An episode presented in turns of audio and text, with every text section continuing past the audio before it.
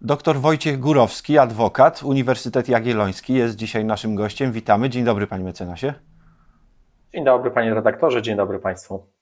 Spotykamy się dzisiaj, by porozmawiać o e, rzeczywistości, którą e, z własnego doświadczenia zna pewnie ładnych parę tysięcy adwokatów i kolejnych e, wiele tysięcy osób, które kiedykolwiek odbywały karę pozbawienia wolności lub też były tymczasowo aresztowane.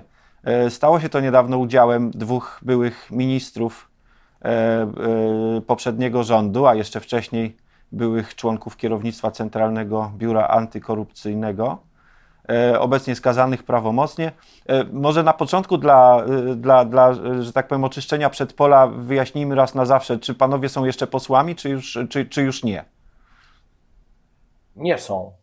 Przepisy kodeksu wyborczego wiążą utratę mandatu poselskiego z faktem skazania bo z kolei fakt skazania związany jest z utratą prawa wybieralności.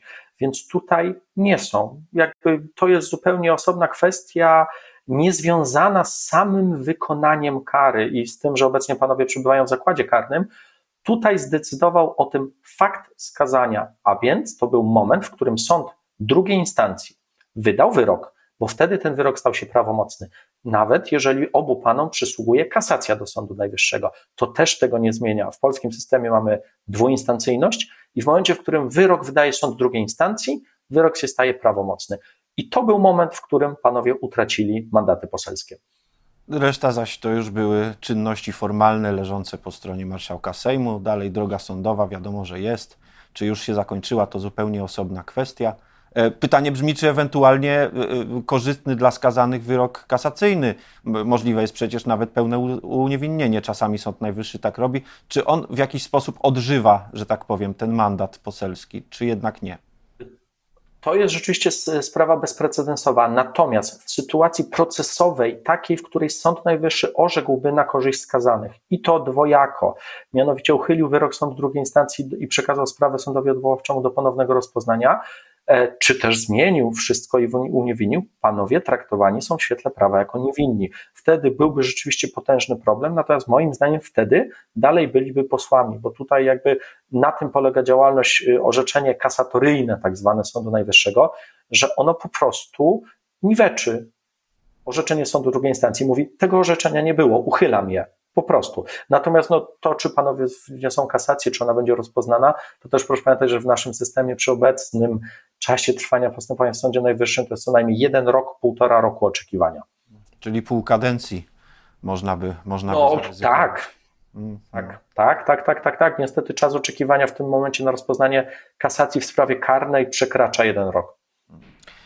Dobrze, znaczy nie dobrze, ale zostawmy to już, zostawmy to już na boku i zajmijmy się główną kwestią, która e, e, e, sprowadza nas do tej rozmowy. Panie doktorze, panie mecenasie, jako osoba będąca od czasu do czasu w charakterze obrońcy lub pełnomocnika w zakładzie karnym, chciałem pana podpytać o to, jak wygląda więzienna rzeczywistość. Czy można mówić w tym wypadku o osobach na szczególnych prawach, E, w związku z charakterem czynu, czy może tym, kim byli, czy, czy, czy panowie e, Wąsik i Kamiński trafili e, do, do, do jakiego zakładu, z kim mogą w nim przebywać, z kim nie. No mówi się potocznie, że przecież mordercy, gwałciciele nagle znajdą się z nimi w jednej celi. To możliwe? Już mówię. Ta polska rzeczywistość więzienna jest szara, średniowieczna. Brzmi to strasznie, ale tutaj mówię to z pełną odpowiedzialnością, jako osoba nawet, która nie od czasu do czasu, ale tak raz w tygodniu przebywa w jakichś murach więziennych i stamtąd wychodzi, z uwagi na charakter wykonywanej pracy. I teraz w momencie, ta procedura wygląda tak, że w momencie, gdy osoba skazana, bo mówimy tutaj o osobach skazanych, bo tymczasowo aresztowani to są jeszcze inne rygory, pod którymi oni pozostają w aresztach śledczych. W momencie, gdy osoba skazana, tak jak w tym przypadku, trafia do zakładu karnego na wykonanie kary, to ona najpierw trafia do aresztu śledczego. Na 14 dni do tak zwanej celi przejściowej, gdzie dokonuje się klasyfikacji osoby skazanej. To znaczy, po rozmowach z wychowawcami, po rozmowach z osobami z aresztu śledczego, po badaniach lekarskich, po weryfikacji, za co dana osoba skazała, po przeprowadzeniu danych osobowo, badań osobowo-poznawczych, Komisja klasyfikacyjna, komisja penitencjarna podejmuje tak zwaną decyzję klasyfikacyjną, od której zależy, gdzie się trafi do jakiego zakładu.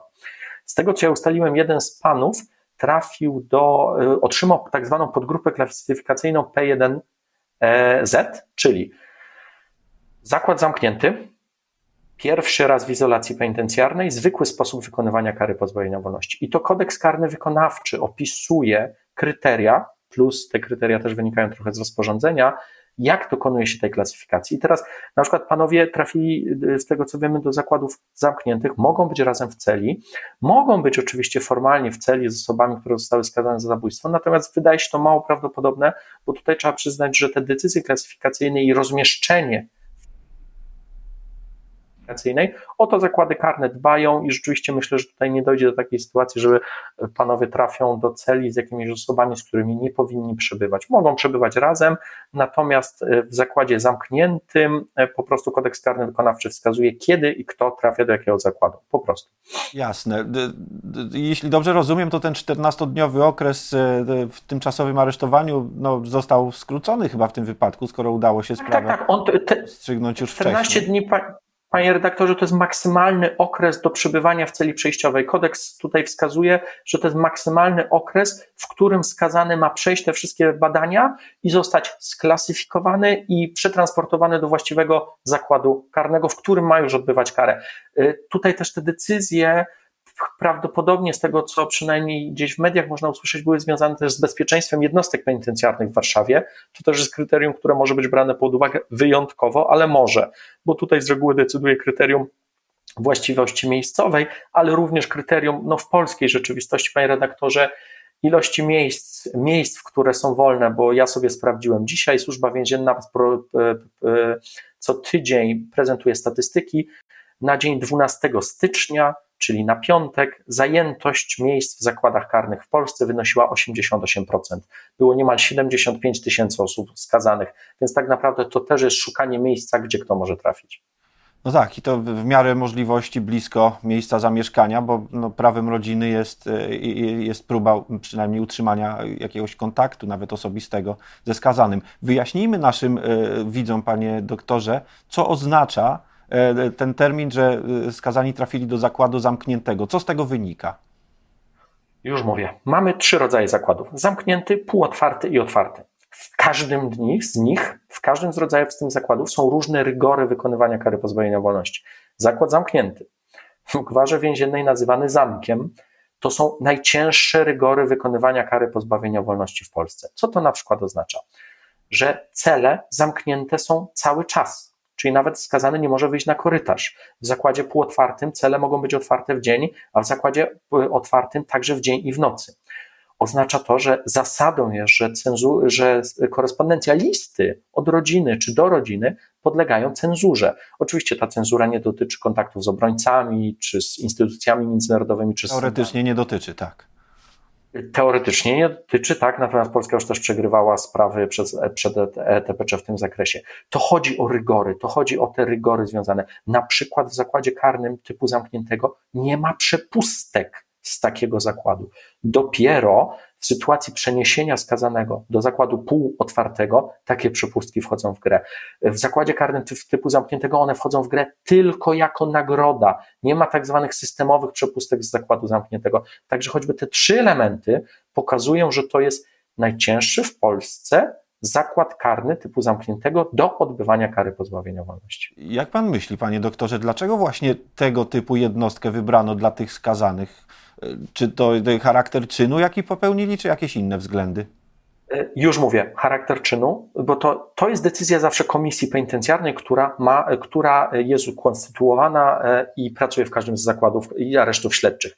Więc tutaj ja oczywiście nie wiem, szczerze mówiąc, wydaje mi się, że w tej sytuacji ta decyzja powinna być ujawniona opinii publicznej, natomiast co się bierze pod uwagę wynika wprost z kodeksu. Charakter czynu, stan zdrowia badanego, bezpieczeństwo jednostki, bezpieczeństwo samego skazanego, bezpieczeństwo innych skazanych. Tutaj po prostu ja nie chcę domniemywać, bo po prostu nie widziałem tej decyzji, natomiast kodeks mówi, w jakich jakie kryteria bierze się pod uwagę. Jest określony katalog czynów, za które e, można, można skierować do zakładu zamkniętego, natomiast tak jak mówię, tutaj oprócz sytuacji, w której mamy do czynienia ze skazanymi związanymi e, na przykład z zaburzeniami jakimiś psychotycznymi, tutaj tego nie było, więc po prostu tutaj był pewien luz decyzyjny i to komisja decydowała. Natomiast te elementy, o których powiedziałem, bierze się pod uwagę przy takiej decyzji klasyfikacyjnej.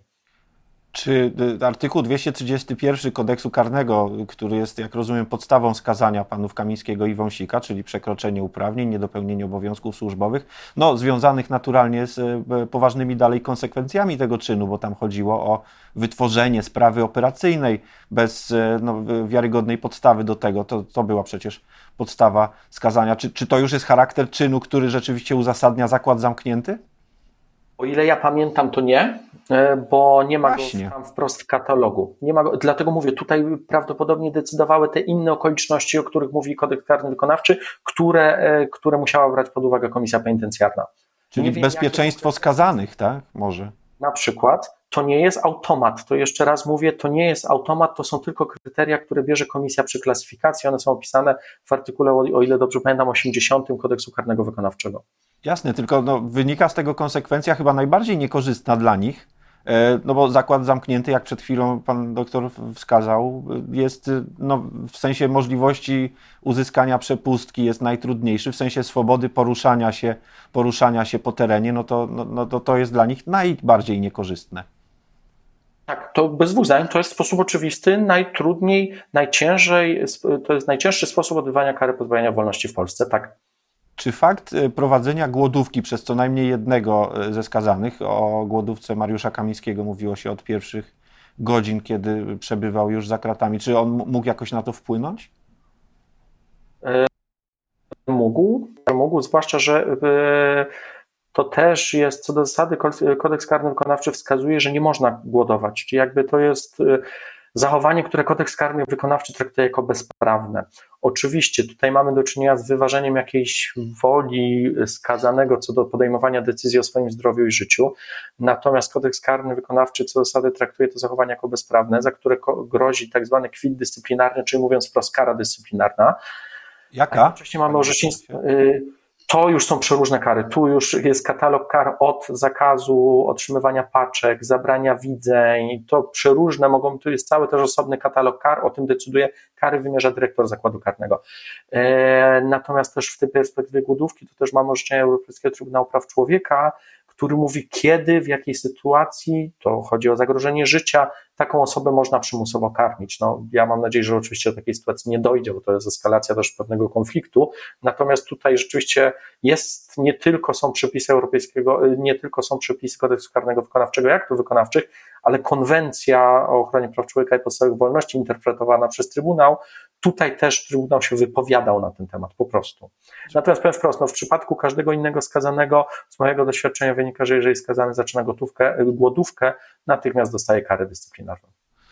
Cóż, e, Pytam o to w kontekście, w kontekście wypowiedzi pani minister Marii Eichhardt, która zapytana o tę sprawę właśnie w pierwszym dniu osadzenia e, ministrów byłych Kamińskiego i Wąsika, powiedziała coś, co jakby w szerszym kontekście chyba się broni, natomiast w tym węższym jest trudniejsze do zaakceptowania i zrozumienia, kiedy pani ministra powiedziała, że no skazany ma prawo nie jeść i nie pić, to jest jego wybór, natomiast po stronie władz więziennych już tutaj leży zapewnienie mu bezpieczeństwa. Potem wspomniała też o tym karmieniu prze, e, przymusowym. Jak pan odbiera taką wypowiedź, panie doktorze? No dla mnie y, ona jest niefortunna, bo kodeks karny wykonawczy wprost wskazuje, że takie zachowanie traktuje się skazanego jako bezprawne. Więc oczywiście ta wolność jest, natomiast no, kodeks, no, na tym też polega też problem oczywiście z więzieniami, które są instytucjami totalnymi. No, y, mamy nawet sytuację, gdy w zakładzie karnym zamk, typu zamkniętego sztućców plastikowych własnych nie mogą mieć skazani z uwagi na bezpieczeństwo społeczeństwo skazanych, to my regulujemy i to jest instytucja totalna, taka, y, która opisywana właśnie w, czy w psychologii, czy, czy w naukach prawnych, instytucja totalna, taka, która kieruje się regułami, od których nie ma w zasadzie żadnych odstępstw. Więc z jednej strony mamy tą wolność, o której e, mówiła pani ministra, z drugiej strony my mamy no, wprost wskazanie, że jest to zachowanie bezprawne. Ja oceniam tą wypowiedź jako niefortunną, ale w tym też takim wąskim zakresie, no sprzeczną wprost z tym, co kodeks karny wykonawczy mówi, że jednak jest to zachowanie traktowane jako bezprawne. No i to jest chyba kłopot jeden z wielu, bo najgłówniejszy w tym wszystkim to jest, no, jak się wydaje, polityczne wykorzystywanie tego, e, tego skazania, mówienie o więźniach politycznych, więźniach sumienia, już nie, nie, nie wiem co jeszcze. No, przy, przy całej jej powadze sytuacji, bo ja nie chcę się z tego naśmiewać, jakby, no, ci ludzie siedzą w więzieniu, pewnie e, siedzą, bo zostali skazani, przede wszystkim dlatego siedzą. Natomiast no, jak z tego wyjść, panie doktorze? No, w mojej ocenie, tak, nie jestem politologiem ani prawnikiem, więc ja nie będę tu oceniał sytuacji politycznej. No, prawnikiem pan jest. Prawne, no, znaczy mówię, jestem prawnikiem, nie politologiem, to w tym sensie. Natomiast e, wyjście takie czysto prawne to jest ponowne ułaskawienie. I wtedy, jeżeli prezydent zdecyduje o ponownym ułaskawieniu, e, panowie opuszczają zakład karny, co zakładam, jak wszyscy jakby dyskutanci dyskursu politycznego wskazują, obniży emocje społeczne. Oczywiście w mojej ocenie to ułaskawienie jest niebywale niemoralne, bo e, przestępstwo, za które panowie zostali skazani, naruszenia uprawnień, to jest właśnie sytuacja, w której funkcjonariusz publiczny zostaje skazany za nadużycie uprawnień wobec obywatela. To jest trudne często do oceny, ale to sąd ma o tym decydować. Natomiast tutaj, żeby oni opuścili zakład karny, Y, no to oczywiście są y, wnioski, które mogą składać obrońcy o wstrzymanie wykonania kary, choćby w, w związku z kasacją, o przerwę w wykonaniu kary. Kurator generalny formalnie może zastosować artykuł 568 i udzielić przerwy lub wstrzymać wykonanie kary, ale tak naprawdę prezydent, korzystając z artykułu 139 Konstytucji, może tylko w oparciu o ten przepis panów ułaskawić i mógł też w pierwszy dzień, w którym, w następny dzień, po którym zostali zatrzymani. No ciekawe, czy to się wydarzy. Bardzo dziękuję tymczasem za rozjaśnienie w głowach e, sytuacji dramatycznej, jednak sytuacji nie tylko tych skazanych, ale wszystkich, którzy, e, którzy mają za kratami podobno zmienić się na lepsze. Dziękuję za to spotkanie. Dziękuję serdecznie. Dziękuję serdecznie. Ja bym chciał, żeby się zmieniali na lepsze, ale tutaj od wielu lat niestety mam wrażenie, że w polskim więziennictwie liczy się poprawność w papierach, a nie człowiek to dziękuję bardzo za rozmowę. I to martwi najbardziej. Wojciech Górowski, doktor Górowski jest adwokatem Uniwersytetu Jagielloński, był naszym gościem. Do zobaczenia.